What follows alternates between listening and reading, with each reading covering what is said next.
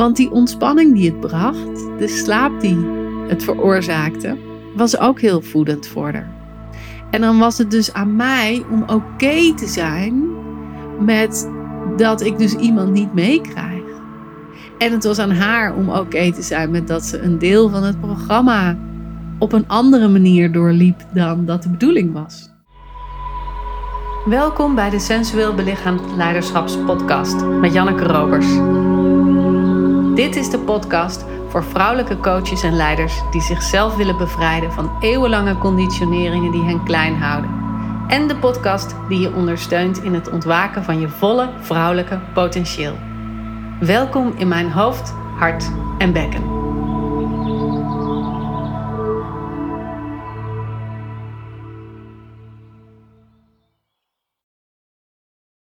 Ik kreeg van verschillende klanten een vergelijkbare vraag. Eentje over dat een klant niet meer paste bij haar en wat ze daarmee kon doen. En iemand anders die voelde: hé, hey, ik heb een opdracht bij een bedrijf aangenomen, maar dit past niet zo goed. Hoe ga ik hiermee om? En ik vond het een interessante om eens even naar te kijken. Wat doe je als je een klant hebt die niet blijkt te passen bij jou of bij je programma, of dat je er samen niet uitkomt? Wat kun je dan doen? Nou, ten eerste is het natuurlijk belangrijk om te onderzoeken wat past er niet. Is het de manier waarop een persoon met jou omgaat of met zichzelf omgaat? En zijn er dus schaduwkanten in die persoon die wat meer compassie nodig hebben, wat meer liefde nodig hebben? Of is het een stuk in die ander dat je eigenlijk nog niet wil zien in jezelf? En waar je moeite mee hebt in jezelf. En wat heeft dat dan nodig om te kunnen verzachten in jou? Zo kan het bijvoorbeeld zijn dat je een klant hebt die ontzettend slachtofferig gedrag laat zien. En dus steeds aandacht nodig heeft, steeds zegt: Oh, het lukt me niet, ik kan het niet, wil je het nog eens een keer uitleggen? En dat kan ontzettend trekken aan jouw energie. En de vraag is dan: heeft die klant meer compassie nodig en meer liefde nodig? Of kan je vanuit liefde naar dat stuk in haar kijken? Dus bijvoorbeeld van waarom is het zo nodig om dit slachtofferige gedrag te laten zien richting mij als begeleider. Wat hoop je daar eigenlijk mee te krijgen? En wat is de onderliggende vraag die daar eigenlijk speelt rondom aandacht trekken of energie slurpen of gezien willen worden? Of is het iets in jou, de slachtoffer in jou, die echt niet mogelijk is? Waar je nog meer compassie naartoe mag sturen. Bijvoorbeeld dat je opgegroeid bent in een gezin waarin je alleen maar applaus kreeg als je echt in de actie ging, maar als je zielig deed, dan werd je buiten gezet. Zielig doen, dat doen we hier niet. Huilen kan niet. Of ehm, je hebt altijd een manier om iets op te lossen. Dat zijn ook allemaal van die zinnetjes die in families kunnen spelen. En wat ertoe leidt dat je dus van jezelf geen slachtoffer mag zijn. En dus heeft dat meer compassie nodig. En als je dat doet, als je dus meer liefde naar dat stuk in jezelf brengt, dan kan de interactie tussen jou en de klant ook weer beter stromen. Maar misschien is het dat je klant nog niet ver genoeg is. Dus dat jij een bepaald niveau hebt in je programma of in je begeleiding of in het transformatieproces dat jij met een bedrijf aangaat. En is jouw klant daar nog niet? En houdt dat dus de rest van de groep tegen of houdt dat dus de ontwikkeling tegen? En heb je daarom geen juiste match? Nou, dan is de vraag: hoe kan ik verlangzamen in mijn overdracht? Of hoe kan ik het verkleinen? Als dit speelt in een groep, dan is het vaak slim om alles op een tandje lager te zetten, zodat je zelfs de langzaamste persoon meekrijgt. Want degene die het verst is, die leert ook van het verlangzamen van de theorie of het verlangzamen van de oefening of het verlangzamen van dat wat je wil overbrengen. Omdat daar dan in veel meer nuance te horen is, die iemand die nog niet zo ver is misschien niet pakt, maar dan wel de groter overkoepelende laag kan nemen en dus kan bijblijven met de groep. En degene die al wat verder is, die kan voor zichzelf de nuance erin vinden. Maar als dat in een één op één setting is, dan is het natuurlijk wat anders. En dan heb je te kijken of de stap die je wil zetten met iemand, die je gebruikelijk zet met je klanten, misschien iets kleiner kan zijn. En of je jezelf kan toestaan om iemand die dus op een lager niveau is ingestapt bij jou, je die niet zo ver hoeft te brengen.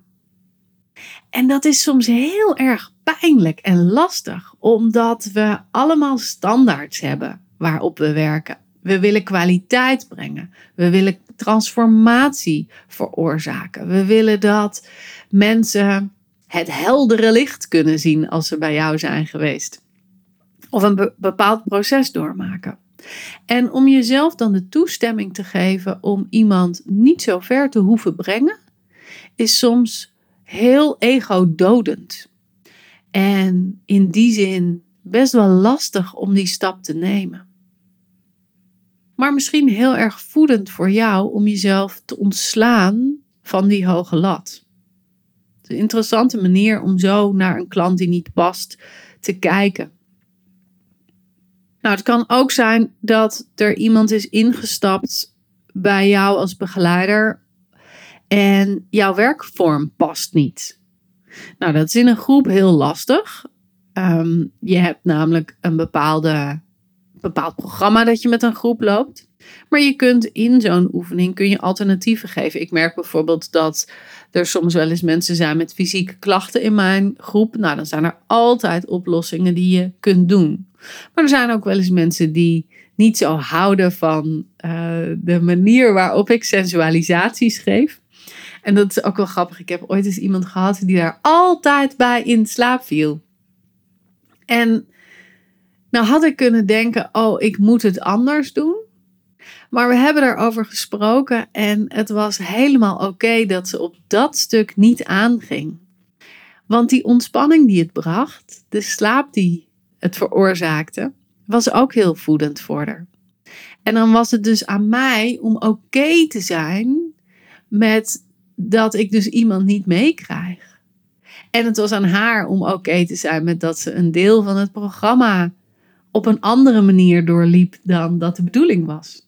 En was ook heel erg leuk. En het zou ook zo kunnen zijn dat als de werkvorm in een één op één sessie niet past, dat je dus uitgenodigd wordt om een andere werkvorm in te zetten die hetzelfde proces doorloopt. Dus dat jij je eigen creativiteit aanzet om te kijken hoe kunnen we hier nou wel een match mee maken? Hoe kunnen we nou wel uitlijnen? En daarmee zeg ik niet dat je weg hoeft te gaan van jouw essentie. Of dat je buiten jezelf de oplossing zoekt. Maar wel dat je gaat voelen van hé, hey, als bijvoorbeeld een opstelling niet aankomt bij iemand, hoe kan ik dan werken met deze klant op een manier die ook past bij mij? Bijvoorbeeld, ik werk niet met representanten, maar ik werk met matjes. Of ik werk niet met een groep, maar ik werk met Lego poppetjes. Of ik werk met stenen die ik neerzet. Of iets dat een raakvlak heeft met jouw klant. Misschien is je klant wel een sieradenontwerper en neem je delen van sieraden die iets te zeggen hebben. Of misschien heeft jouw klant wel een familiebedrijf en kun je vanuit het bedrijfsperspectief kijken naar de familielijnen ik noem maar een dwarsstraat. Er is altijd een andere kant die je kan inzetten, waardoor je toch bij je eigen werk blijft, maar dat het beter past bij de klant die je hebt. Maar het kan ook zijn dat een klant niet blijkt te passen bij jou, omdat haar omstandigheden zijn veranderd, of omdat jouw omstandigheden zijn veranderd. Bijvoorbeeld, jij richt je nu op een ander soort klant, maar je hebt nog wel iemand in een traject lopen. Hoe ga je daar dan mee om? Nou, je zou kunnen zeggen: ik maak dit traject af omdat ik deze afspraak met iemand heb gemaakt. Dus ik zit dit op een bepaalde manier nog even uit. En ondertussen faceer ik al nieuwe klanten in die wel beter bij me passen.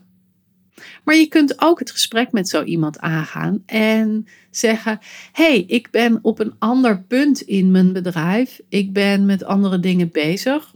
Is dit interessant voor jou om ook op die manier in te gaan stappen? Of scheiden hier onze wegen? Dat je het gewoon een open gesprek laat zijn. Misschien heeft die ander ook wel gevoeld dat jij op een ander pad aan het gaan bent. En is het voor die ander ook oké om halverwege te stoppen? En dan neem je gewoon je verlies daarin. Soms is het belangrijker om bij je eigen verlangen te blijven dan een afspraak die je hebt gemaakt door te kunnen zetten. En dat betekent natuurlijk niet dat je iedere willekeurige afspraak die je hebt gemaakt zomaar kan opgeven. Dat is niet wat ik zeg. Als je een contract hebt afgesloten met iemand, dan heb je dat contract natuurlijk voor een bepaalde reden afgesloten. Dus is het ook belangrijk om de initiële intentie te onderzoeken. Maar er kunnen dingen veranderen in iemands leven en in jouw leven, waardoor het belangrijk is om weer te heroverwegen. Nou, het kan natuurlijk ook zo zijn dat jouw klant haar omstandigheden zijn veranderd. Misschien is iemand ontslagen of heeft iemand een been gebroken of is iemand iets anders gaan doen dat ineens heel goed past. Zo had ik bijvoorbeeld een klant die zich ingeschreven had bij Voluit Vrouw zijn en dat duurde nog een paar maanden voordat de nieuwe groep weer ging starten. En zij had een fantastische één op één begeleider gevonden waar ze ontzettend veel baat bij had. En ze zei: Ik wil dit traject eerst afmaken voordat ik bij jou instap. Dus ik wil graag mijn deelnemen cancelen. Nou, dat is super pijnlijk, want energetisch gezien bouw ik zo'n groep al op met de eerste inschrijving. En gebeurt er ook echt iets onderling en hebben we natuurlijk ook al een eerste kick-off gesprek en zijn er dingen in gang gezet. Dus het is niet leuk, dat, dat wil ik niet. Maar ik kan ook niet gaan forceren dat iemand blijft op het moment dat de omstandigheden veranderen en het dus niet meer optimaal is voor diegene om in te stappen en dus diegene niet meer de optimale resultaten gaat behalen in mijn programma en ik dus ook niet meer de ideale klant heb. Dus is het zaak om dan te onderzoeken hoe rond je dan af of hoe breek je dan zo'n contract open? En wat heeft iemand wel of niet te betalen voor het eerste gedeelte dat diegene wel ingestapt was? Of wat zijn de gevolgen of de consequenties van dat je zo'n contract weer openbreekt? En soms betekent het dat je als begeleider je verlies hebt te nemen en ruimte hebt te creëren voor iemand die wel beter bij je kan passen. En dat is wat in deze situatie ook gebeurde. Dat was heel erg leuk.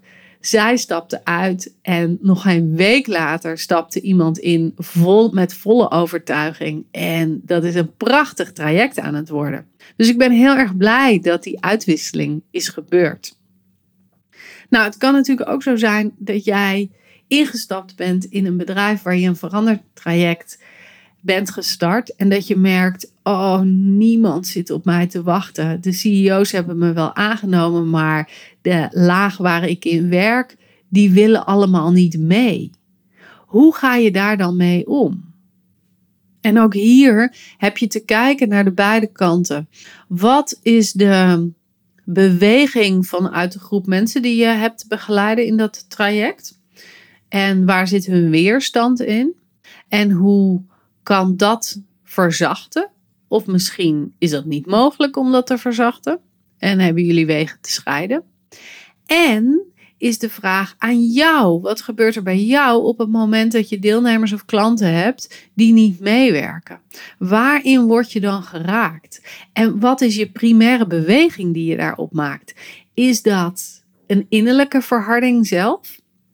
En merkt, merk je daardoor dat de beweging ook stokt. Dus de transformatie die jij probeerde te brengen en waar je voor aangenomen was, dat dat niet werkt, omdat er een innerlijke verharding is, omdat jouw omgeving je niet, niet met je meebeweegt. Of misschien is er iets anders waarin je in geraakt wordt. Bijvoorbeeld, ik word hier niet ontvangen. Of ik word hier niet gezien. Zoals ik vroeger door mijn ouders ook niet gezien of ontvangen werd. Of misschien merk je wel, hey, dit raakt iets aan de manier waarop ik vroeger in de basisschoolklas ook het gevoel had dat er met mij omgegaan werd. Dat mensen niet op me zaten te wachten. Dat mensen mijn input niet wilden hebben. Dat mijn ideeën om het spel te veranderen niet op waarde werden geschat. En dus deed ik X, Y, Z. En doe je dat misschien hier ook? En op het moment dat je dan gaat terugreflecteren op wat is jouw proces en hoe breng ik dat thuis in mijn geschiedenis, kan je gaan zien dat er ook verandering komt in zo'n groep. Dat is niet altijd zo. Soms heb je gewoon lastige groepen. Maar heel vaak is dat wel zo.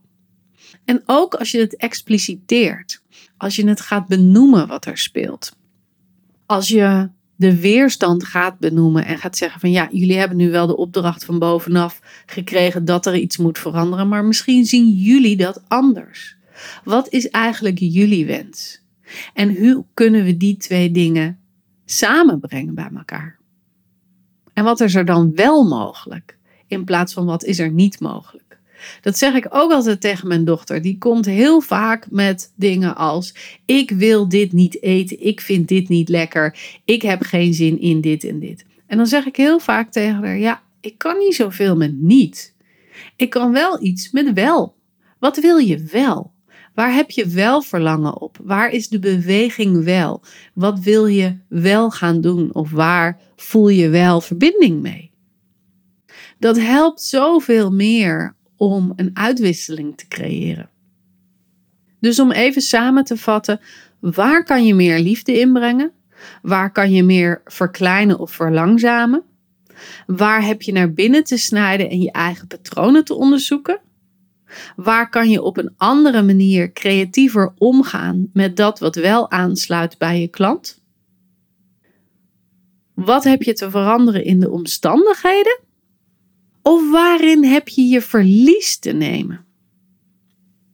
Dat zijn de manieren waarop je kunt kijken naar als je een klant hebt die niet blijkt te passen bij jou of jij niet blijkt te passen bij een klant.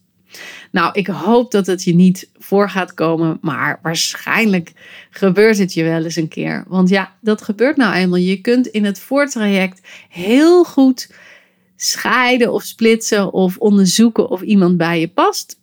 Maar het kan gebeuren dat je iets hebt gemist of dat de ander iets heeft gemist. En dat je toch bij elkaar bent gekomen en dat je dat te onderzoeken hebt. En het is een mooi proces als je het durft aan te gaan. Ik hoop dat deze aflevering je helpt. En ik hoor graag wat je eruit meeneemt. Of dat je ook zo'n ervaring hebt gehad en wat jij dan hebt gedaan in die situatie. Rijk even naar me uit, vind ik altijd super tof als je wat van je laat horen. Voor nu wens ik je een heerlijke dag of avond en tot de volgende aflevering. Doei doei!